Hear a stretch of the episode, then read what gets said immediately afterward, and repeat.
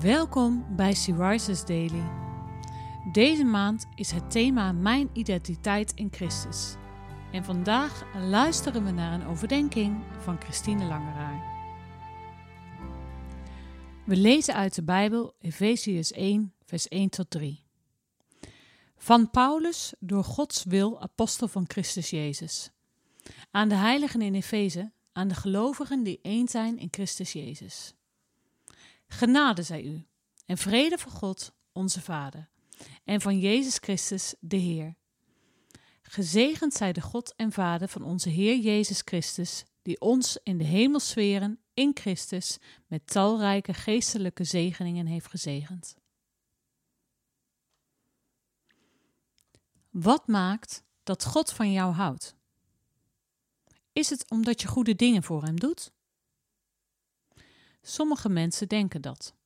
We kunnen makkelijk geloven dat als we bidden, de Bijbel lezen, veel geld weggeven, we een goed leven leven, we ervoor zorgen dat God van ons houdt en Hij wel goed voor ons zal zijn.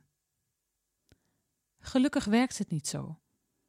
Je hoeft geen goede dingen te doen voor God om Hem van jou te laten houden en je te zegenen. Hij heeft je al gezegend in Christus. God hield al van ons. In Zijn liefde redt Hij ons door Jezus en maakt ons nieuwe mensen in Christus.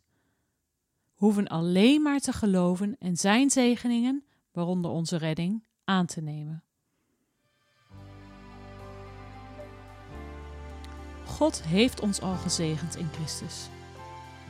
Kan jij dit aannemen? Of probeer je nog hard te werken, zodat God nog meer van je houdt?